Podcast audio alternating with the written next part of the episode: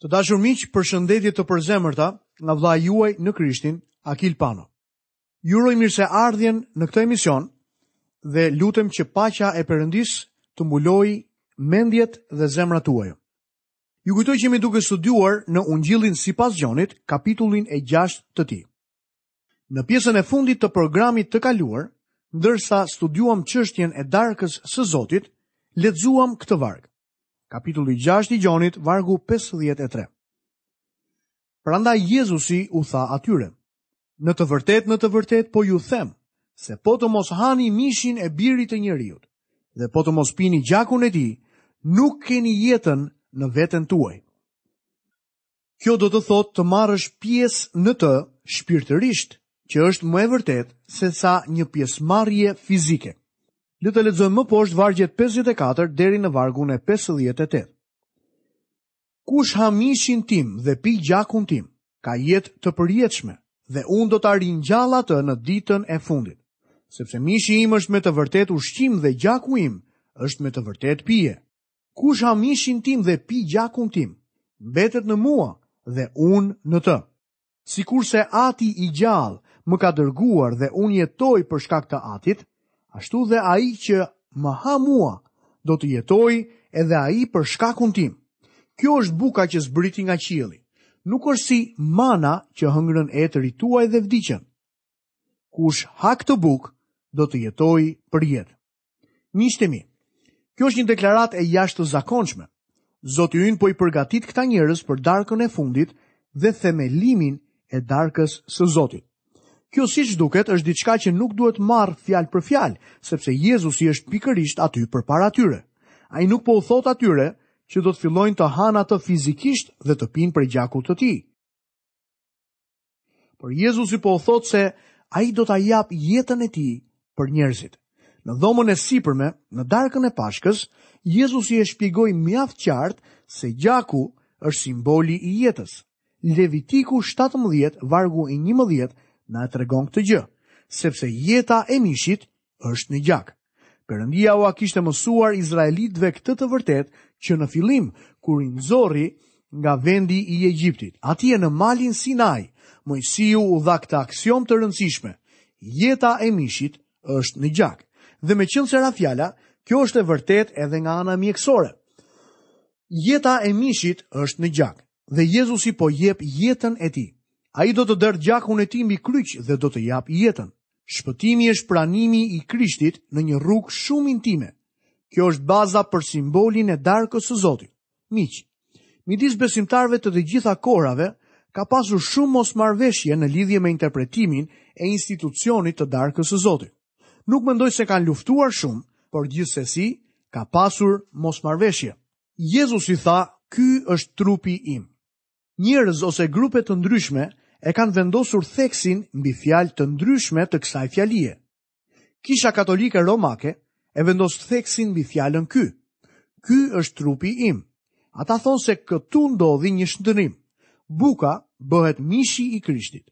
Mendoj se Zoti ynë nuk e mësoi në ndonjë formë apo një tjetër kanibalizmin.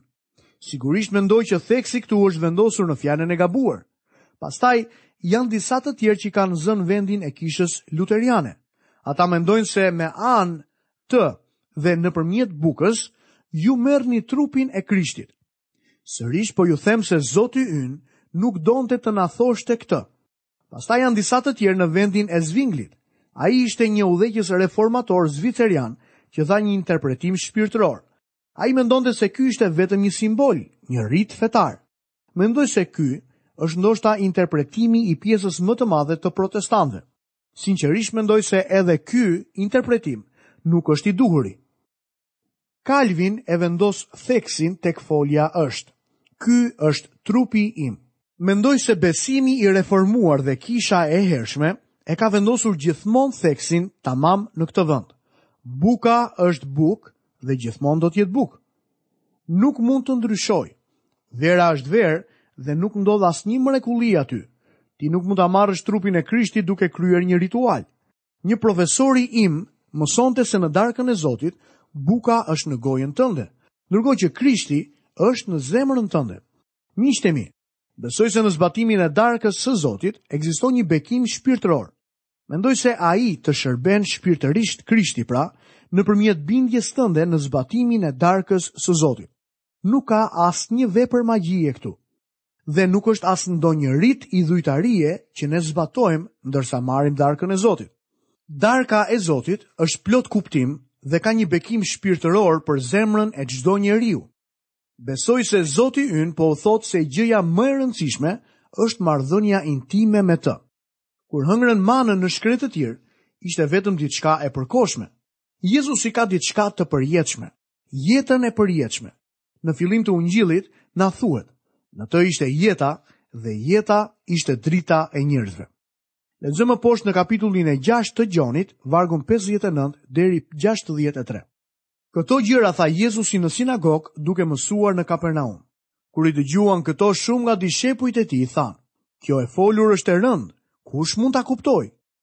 Por Jezusi duke e ditur në të vërtetë se dishepujt e tij po murmurisnin për këtë, u tha atyre, Kjo ju skandalizon? Ç'do të ishte po ta shihnit pra, birin e njeriut duke u ngjitur atje, ku ishte më parë. Është fryma që jep jetë. Mishi nuk vlen asgjë. Fjalët që po ju them janë frymë dhe jetë.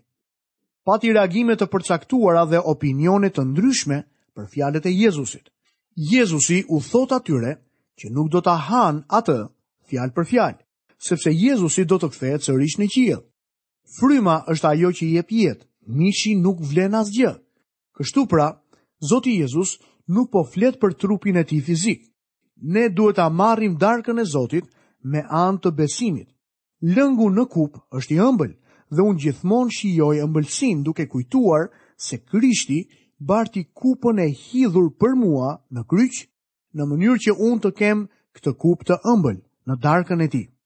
Ajo kupë e ëmbël më kujton se ai, Krishti, derdhi gjakun e tij për mua dhe në këtë gjë ka një bekim frymëror. Jezusi tha, fjalët që po ju them janë frymë dhe jetë. Gjatë shërbesës time, i kam lexuar gjithmonë kishës nga fjala e Zotit gjatë marrjes së darkës së Zotit. Kam zbuluar se fjala e Zotit i shërben zemrave të njerëzve. Pse? Sepse fjalët e Zotit Jezus janë frymë dhe jetë. Lexojmë poshtë nga vargjet 64 dhe 65. Por janë disa midis jush që nuk besojnë. Në fakt, Jezusi e dinte që në fillim, kush ishin ata që nuk besonin dhe kush ishte ai që do ta tradhtonte. Dhe thoshte, për këtë arsye ju thashë se askush nuk mund të vijë tek unë nëse nuk është i dhënë nga ati im. Por mbani mend, këtij vargu mund t'i shtoni që kushdo të mund të hyjë, pra siç e shihni, varet nga ju. Lexojmë vargun e 66. Që nga ai moment, shumë nga dishepujt e vet u tërhoqën dhe nuk shkuan më me të. Në atë grup atëherë ishin edhe udhëheqësit armiq, krerët fetarë. Po kështu ishte edhe një numër i pacaktuar dishepujsh përveç të 12-ve. Midis të dymëdhjetëve ndodhej Juda. Pra në fakt, do të gjeni katër opinione në lidhje me Krishtin në atë kohë. Shumë nga këta dishepuj, jo të dymëdhjetët, por shumë nga dishepujt e tjerë, u tërhoqën dhe u kthyen mbrapsht. Lexojmë vargjet 67 dhe 68. Atëherë Jezusi u tha të dymëdhjetëve, a doni dhe ju të largoheni, Dhe Simon Pjetri iu përgjigj, Zot, te kush të shkojmë? Ti ke fjalë jete të përjetshme. Pjetri bën një deklaratë magnitëse. Pyetja e tij është me vend edhe për ne sot. Nëse thua se Zoti Jezus nuk është një shpëtimtar dhe që nuk i plotëson nevojat e tua, atëherë mund të pyes ku do të shkosh. Në ishullin Maui, që ndodhet tek ishujt Havajan, pashë një grup me të rinj. Ata kishin një pikturë të Krishnës përpara tyre dhe këndonin njëri pas tjetrit disa këngë të mërzitshme. Të shkretët njerëz nuk po gjenin asnjë kënaqësi në çfarë ishin duke bërë. Çfarë zhgënjimi pësojnë shumë njerëz prej nesh sot. Këta janë ata njerëz që kthehen në çdo drejtim për dritën. Më lejoni t'ju bëj pyetjen e Simon Pjetrit. Te kush të shkojmë? Zoti Jezus është i vetmi, i vetmi që ka fjalë jete të përjetshme. Lexojmë vargjet 69 deri 71. Ne kemi besuar dhe kemi njohur se ti je Krishti, biri i Perëndisë së gjallë. Jezusi iu përgjigj atyre: A nuk ju kam zgjedhur unë ju të dymbëdhjetët? e një prej jush është një djall. Ai po fliste për Judë Iskariotin, birin e Simonit, sepse ky kishte për ta tradhtuar, ndonëse ishte një nga të dymbëdhjetët. Ky njeri, Judë Iskarioti, është një mister i madh. Këtu Zoti ynë e përmend bashkë me të dymbëdhjetët dhe thotë se e ka zgjedhur. Fjalët e Jezusit, ai është një djall, me shumë mundësi do të thonë i pushtuar nga djalli. Pikërisht ky njeri do ta tradhtonte. Gjatë gjithë rrugës, Zoti ynë i dha mundësinë për të bërë një vendim për të. Është e vështirë ta shpjegosh të keqen. Ky është një nga gjërat që kanë mbetur mister. E keqja mbart gjithmonë një mister. Kjo është një nga arsyet që e bën joshëse. Supozoni sikur po ju them pikërisht tani se po mbaj në duar dy shkopinj. Një shkop është plotësisht i drejtë, sepse është sundimtar. Mund ta imagjinoni fare mirë se si do duket ky sundimtar, sepse mund të jetë i drejtë vetëm në një mënyrë. Pastaj ju them se po mbaj në dorë edhe një shkop të shtrembër. Mendoj se gjithsecili prej jush do ta imagjinojë një pamje të ndryshme nga tjetri. Kjo është se një shkop mund të jetë i shtrembër në shumë mënyra. E keqja ka një mister në vetvete. Më duhet të pohoj që ndërkohë që ky njeri Judë Iskarioti ecën nëpër faqet e shkrimit, është mjaft e vështirë ta interpretosh. Zoti ynë thotë diçka të çuditshme për të. Ai është një djall. Sa kontrast që bën me këtë dëshmia e Simon Pjetrit. Ne besojmë se ti je Krishti, biri i Perëndisë së gjallë. Të dashur miq, ne kemi përfunduar studimin në kapitullin e 6 dhe do fillojmë menjëherë studimin tonë në kapitullin e 7 të Ungjillit sipas Gjonit. Temat që do të shikojmë në këtë kapitull janë: Jezusi mëson në tempull në festën e tabernakujve. Fjala e 5. Ky kapitull përmban të vërtetën e mrekullueshme që Zoti Jezus është uji i jetës dhe që ai premton t'u japë frymën e shenjtë atyre që besojnë në të. Lexojmë në kapitullin e 7 të Ungjillit sipas Gjonit, vargun e parë. Pas këtyre gjërave, Jezusi përshkoi Galilenë, sepse nuk donte të endej nëpër Jude, ngaqë judenjtë kërkonin ta vrisnin. Pas këtyre gjërave, kjo është një shprehje e zakonshme e Gjonit që na jep një pamje kronologjike Ngjarjet në kapitullin e 6 të Gjonit ndodhën në Galile dhe në detin e Galilesë, por para kësaj, Jezusi kishte qenë në Jeruzalem, ku ishte ngritur një debat në lidhje me të në pellgun e Betsajdës. Duket sikur ngjarjet e kapitullit të 6 kanë ndodhur rreth një vit përpara kryqit në prill, ndërkohë që ngjarjet e kapitullit të 7 ndodhën 6 muaj më vonë në tetor. Mateu kapitulli 15 dhe 18, Marku 7 dhe 9 dhe Luka kapitulli 9 lidhen me ngjarjet që kanë ndodhur gjatë kësaj periudhe. Gjatë vitit të fundit të shërbesës së Krishtit, Zoti ynë i mbylli aktivitetet e tij në Galile. Thuhet se ai nuk shkoi më në Jude, sepse krerët fetarë kishin thurur një komplot për ta vrarë. Jezusi po ndjek një program hyjnor, të dhënë prej Atit. Këta njerëz nuk do të mund ta preknin dot, derisa të vinte ora e tij. Tani po hyjmë në gjashtëmujorin e fundit të jetës së tij. Dhe ngjarja e parë që regjistron Gjoni Apostull në këtë periudhë është festa e tabernakujve.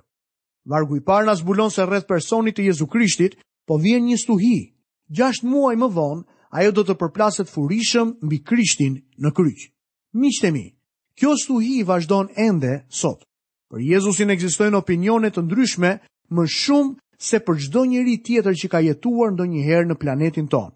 Ata ngrenë blasfemi kundër tij dhe thonë gjërat më të këqija që janë thënë ndonjëherë. Ai është mjaft i diskutueshëm edhe sot e kësaj dite. Edhe pse po i afrohej stuhia, Jezusi zgjodhi të braktiste mënyrën e tij të largimit. Ai shkoi në Jeruzalem sepse ishte festa e tabernakujve. Lexojmë vargun e dytë. Por festa e judenjve, ajo e tabernakujve, ishte afër. Në Jeruzalem ekzistonin tri festa që duhej t'i ndiqte çdo mashkull jude. Zoti ynë e mbajti ligjin. Ai duhet të shkonte në Jeruzalem gjatë festës së Pashkës, tabernakujve dhe rrëshajave. Festa e tabernakujve përshkruhet në kapitullin e 23 të librit të Levitikut. Gjejmë që ishte një festë plot me gëzim për të festuar çlirimin e mrekullueshëm të Izraelit nga Egjipti. Për shkak se gjatë udhëtimit në shkretëtirë kishin jetuar nëpër çadra ose kasolle, kjo do të quhej ndryshe dhe festa e çadrave apo e kasolleve. Ata nuk kishin kampe, por jetonin jashtë në çadra. Gjatë kësaj feste binin boritë dhe ofroheshin 70 dema. Në tempull do të derdhej ujë për 7 ditë me radhë dhe në ditën e fundit do të derdhej një porcion i dyfishtë për të kujtuar se Zoti u dha ujë nga shkëmbi në shkretëtirë. Ata e sillnin ujë nga pellgu i Silahut. Derdhnin fuçi të tëra me ujë. Gjatë këtij festivali ndriçonin oborrin e brendshëm me një paradë të rregullt pishtarësh. Kjo gjë përkujtonte shtyllën e zjarrit që udhëhiqte bijtë e Izraelit gjatë natës, ndërkohë që endeshin në shkretëtirë. Tani mund të kuptojmë se kolona e resë dhe shtylla e zjarrit që udhëhoqën bijtë e Izraelit ishin të dyja pamje të Zotit Jezu Krisht. Të gjitha festat e Zotit në testamentin e vjetër u përmbushën përveç festës së tabernakujve. Kjo do të përmbushet kur Zoti ynë të kthehet në tokë. Kjo simbolizon gëzimin e madh të asaj kohe. Lexojmë vargun 3 deri në vargun e 5. Prandaj vëllezërit e tij i thanë: Nisu prej këndej dhe shko në Jude, që edhe dishepujt e tu t'i shohin veprat që ti bën. Askush në fakt nuk bën asgjë në fshehtësi kur kërkon të njihet botërisht. Kur ti do të bësh gjëra të tilla, tregoju botës. Në fakt as vëllezërit e tij nuk besonin në të. Fjala vëllezër këtu nuk ka të bëjë me dishepujt, por me vëllezërit e tij nga nëna. Emrat e tyre jepen tek Ungjilli i Mateut, kapitulli 13, vargjet 55. Në fakt, këto vargje na hedhin dritë mbi çështjen e shumëfolur që nëse Maria pas lindjes së virgjër të Jezusit kishte apo jo fëmijë të tjerë dhe në fakt Bibla na tregon që Maria kishte djem dhe vajza të tjerë nga martesa e saj me Jozefin. Le të lexojmë emrat e tyre. Jakobi, Jozueu, Simoni dhe Juda. Gjysëm vëllai i tij Jakobi është ai që shkroi letrën e Jakobit, ndërkohë që gjysëm vëllai tjetër Juda është ai që shkroi letrën e Judës. Sigurisht që kjo ndodhi shumë kohë më vonë, sepse në këtë pikë vëllezërit e tij nuk besonin në të. Ata po japin disa këshilla që nuk mund t'i përdorë. Lexojmë vargun e 6. Atëherë Jezusi u tha atyre: Koha ime nuk ka ardhur ende, por koha juaj është gjithmonë gati. Ata po e këshillojnë për shkak të mosbesimit, por Jezusi nuk e merr aspak parasysh këshillën e tyre. Ai po lëviz sipas programit të Atit të Tij. Jezusi nuk po ndjek as diturinë e botës dhe as mendjen e tij. Ai ka një program të përcaktuar nga ati i tij. Ai po bën vullnetin e atit. Vini re fjalën e vogël ende. Koha ime nuk ka ardhur ende. Jezusi nuk po thotë se nuk do të shkojë në festë, por që ai nuk do të shkonte me ta për të fituar favorin e publikut me diçka spektakolare apo gjithçka tjetër çfarë kërkonin prej tij. Ai do të shkonte në kohën e caktuar nga Ati dhe sipas rrugës që kishte Ati i tij për të. Lexojmë vargjet 7 deri në vargun e 9. Bota nuk mund t'ju urrejë juve, por më urren mua sepse unë dëshmoj për të se veprat e saj janë të mbrapshta. Ngjituni ju në këtë festë. Unë nuk po ngjitem ende në këtë festë, sepse koha ime ende nuk është plotësuar, dhe si u tha atyre këto gjëra, mbeti në Galile. Bota ishte në armiqësi me Krishtin. Arsyeja është se Zoti Jezus është drita e botës. Ai ndez atë dritë dhe drita zbulon gjithçka që është gabim. Zbulon mëkatin, Krishti e dënon mëkatin. Kjo është arsyeja pse shumë njerëz e urrejnë edhe në ditët e sotme. Ai e dënon mëkatin me prezencën e tij, me jetën e tij. Kjo ngre armiqësi tek njeriu sepse zemra e njeriut është e keqe. Krishti shkoi në kryq sepse e donte familjen njerëzore. Dashuria shpenguese theu zemrën e njeriut armik. Këtë e shohim qartë në jetën e Saulit nga Tarsi. Ai po nxirrte nga goja kërcënime, e urrente Zotin Jezus dhe këdo që e ndiqte atë. Por, kur erdhi e njohu Zotin Jezus si shpëtimtar, zemra iu thye dhe tha, ai më deshi dhe dha veten e tij për mua. Lexojmë vargun e dhjetë. Mbasi vëllezërit e tij u ngjitën në festë, atëherë edhe ai u ngjit atje, jo haptas, por si fshehurazi. Ai me siguri që shkoi me dishepujt atje dhe hyri në qytet nëpërmjet portës së dhenve. Besoj se Zoti Jezu Krisht hynte gjithmonë në Jeruzalem nga porta e dhenve deri në kohën e të ashtuquajturës hyrje ngadhnjimtare, kur u shfaq publikisht për ta ofruar veten e tij dhe për të pyetur nëse ata do ta pranonin apo do ta refuzonin atë. Lutja ime miku im është që çdo zemër që dëgjon fjalën e Perëndisë të mund ta pranojë Krishtin si Zot dhe Shpëtimtar. Lutem që fjala e Zotit të gjallë të mund të bëjë vend në zemrën tënde dhe Perëndia Atë të mund të të japë frymën e diturisë dhe të zbulesës në njohjen e kësaj fjale, në njohjen e Krishtit Zotit tonë. Në fund të këtij emisioni, lutem që paqja e Perëndisë dhe dashuria e tij t'ju mbulojë. Nga vëllai juaj në Krishtin Akil Pano, bashkë mirudëgjofshim në emisionin e ardhshëm.